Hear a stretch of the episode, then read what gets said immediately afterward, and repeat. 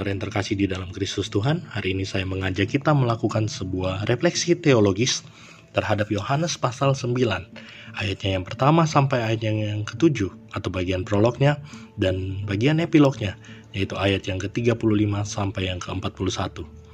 Nah, Yohanes pasal 9 ini adalah sebuah narasi yang menceritakan tentang penyembuhan yang Yesus lakukan terhadap orang buta sejak lahir. Akan tetapi Yohanes pasal 9 ini sendiri tidak menjadikan kisah penyembuhan ini sebagai fokusnya. Yang menjadi fokus adalah bagaimana Yesus mereformasi konsep-konsep kebenaran yang telah usang, serta bagaimana Yesus hadir untuk merengkuh orang buta yang disembuhkan tersebut dari marginalisasi yang dilakukan oleh para pemuka agama Yahudi. Yohanes pasal 9 dimulai dengan pertanyaan para murid yang sangat stigmatis dan judgmental. Mereka bertanya kepada Yesus bahwa siapakah yang berbuat dosa sehingga orang buta tersebut terlahir buta. Pertanyaan ini jelas adalah pertanyaan yang stigma.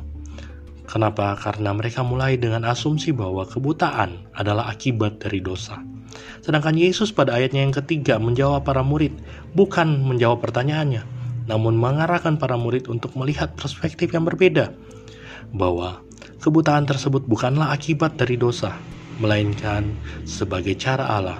Ada pekerjaan Allah yang ingin dinyatakan di dalam orang buta tersebut. Melihat kebutaan sebagai dosa, melihat disabilitas, kemiskinan, sakit penyakit sebagai dosa merupakan tradisi lama dalam Yudaisme.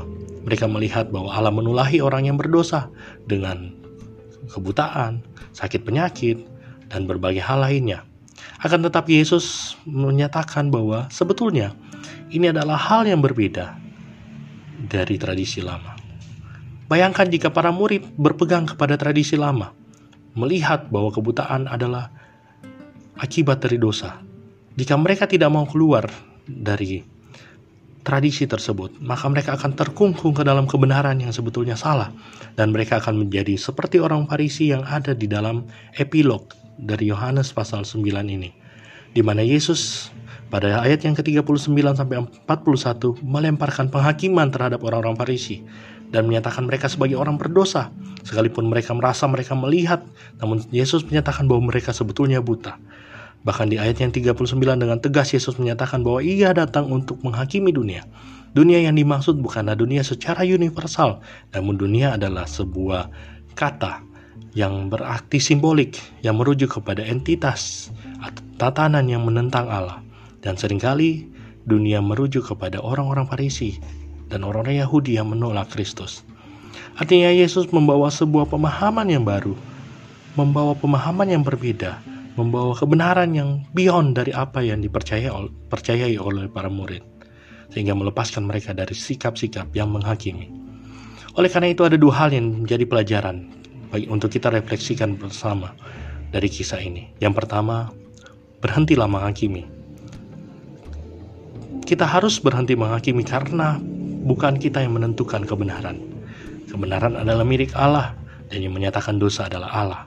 Oleh karena itu, berhentilah menghakimi sesama dan mulailah berbagi kasih. Yang kedua adalah mari kita mereformasi cara kita memandang kebenaran. Kebenaran bukanlah sebuah metode lama seperti yang dilakukan oleh orang-orang Farisi, bahkan sempat diakui dan dinyatakan oleh para murid. Kebenaran beyond metode. Kebenaran itu selalu demetodologisasi. Artinya, kebenaran tidak dapat dibakukan dengan suatu pola. Kebenaran itu dinamis karena dia adalah sifat Allah. Karena Allah kita adalah Allah yang dinamis, maka kebenaran kita pun harus menjadi kebenaran yang dinamis. Karena itu, jangan pernah merasa diri benar, jangan pernah puas dengan kebenaran yang kita peroleh, melainkan kita harus selalu bertumbuh untuk melihat kebenaran secara utuh dan melihatnya dari perspektif Allah dan bukan perspektif kita dan bukan juga karena tradisi-tradisi yang telah usang.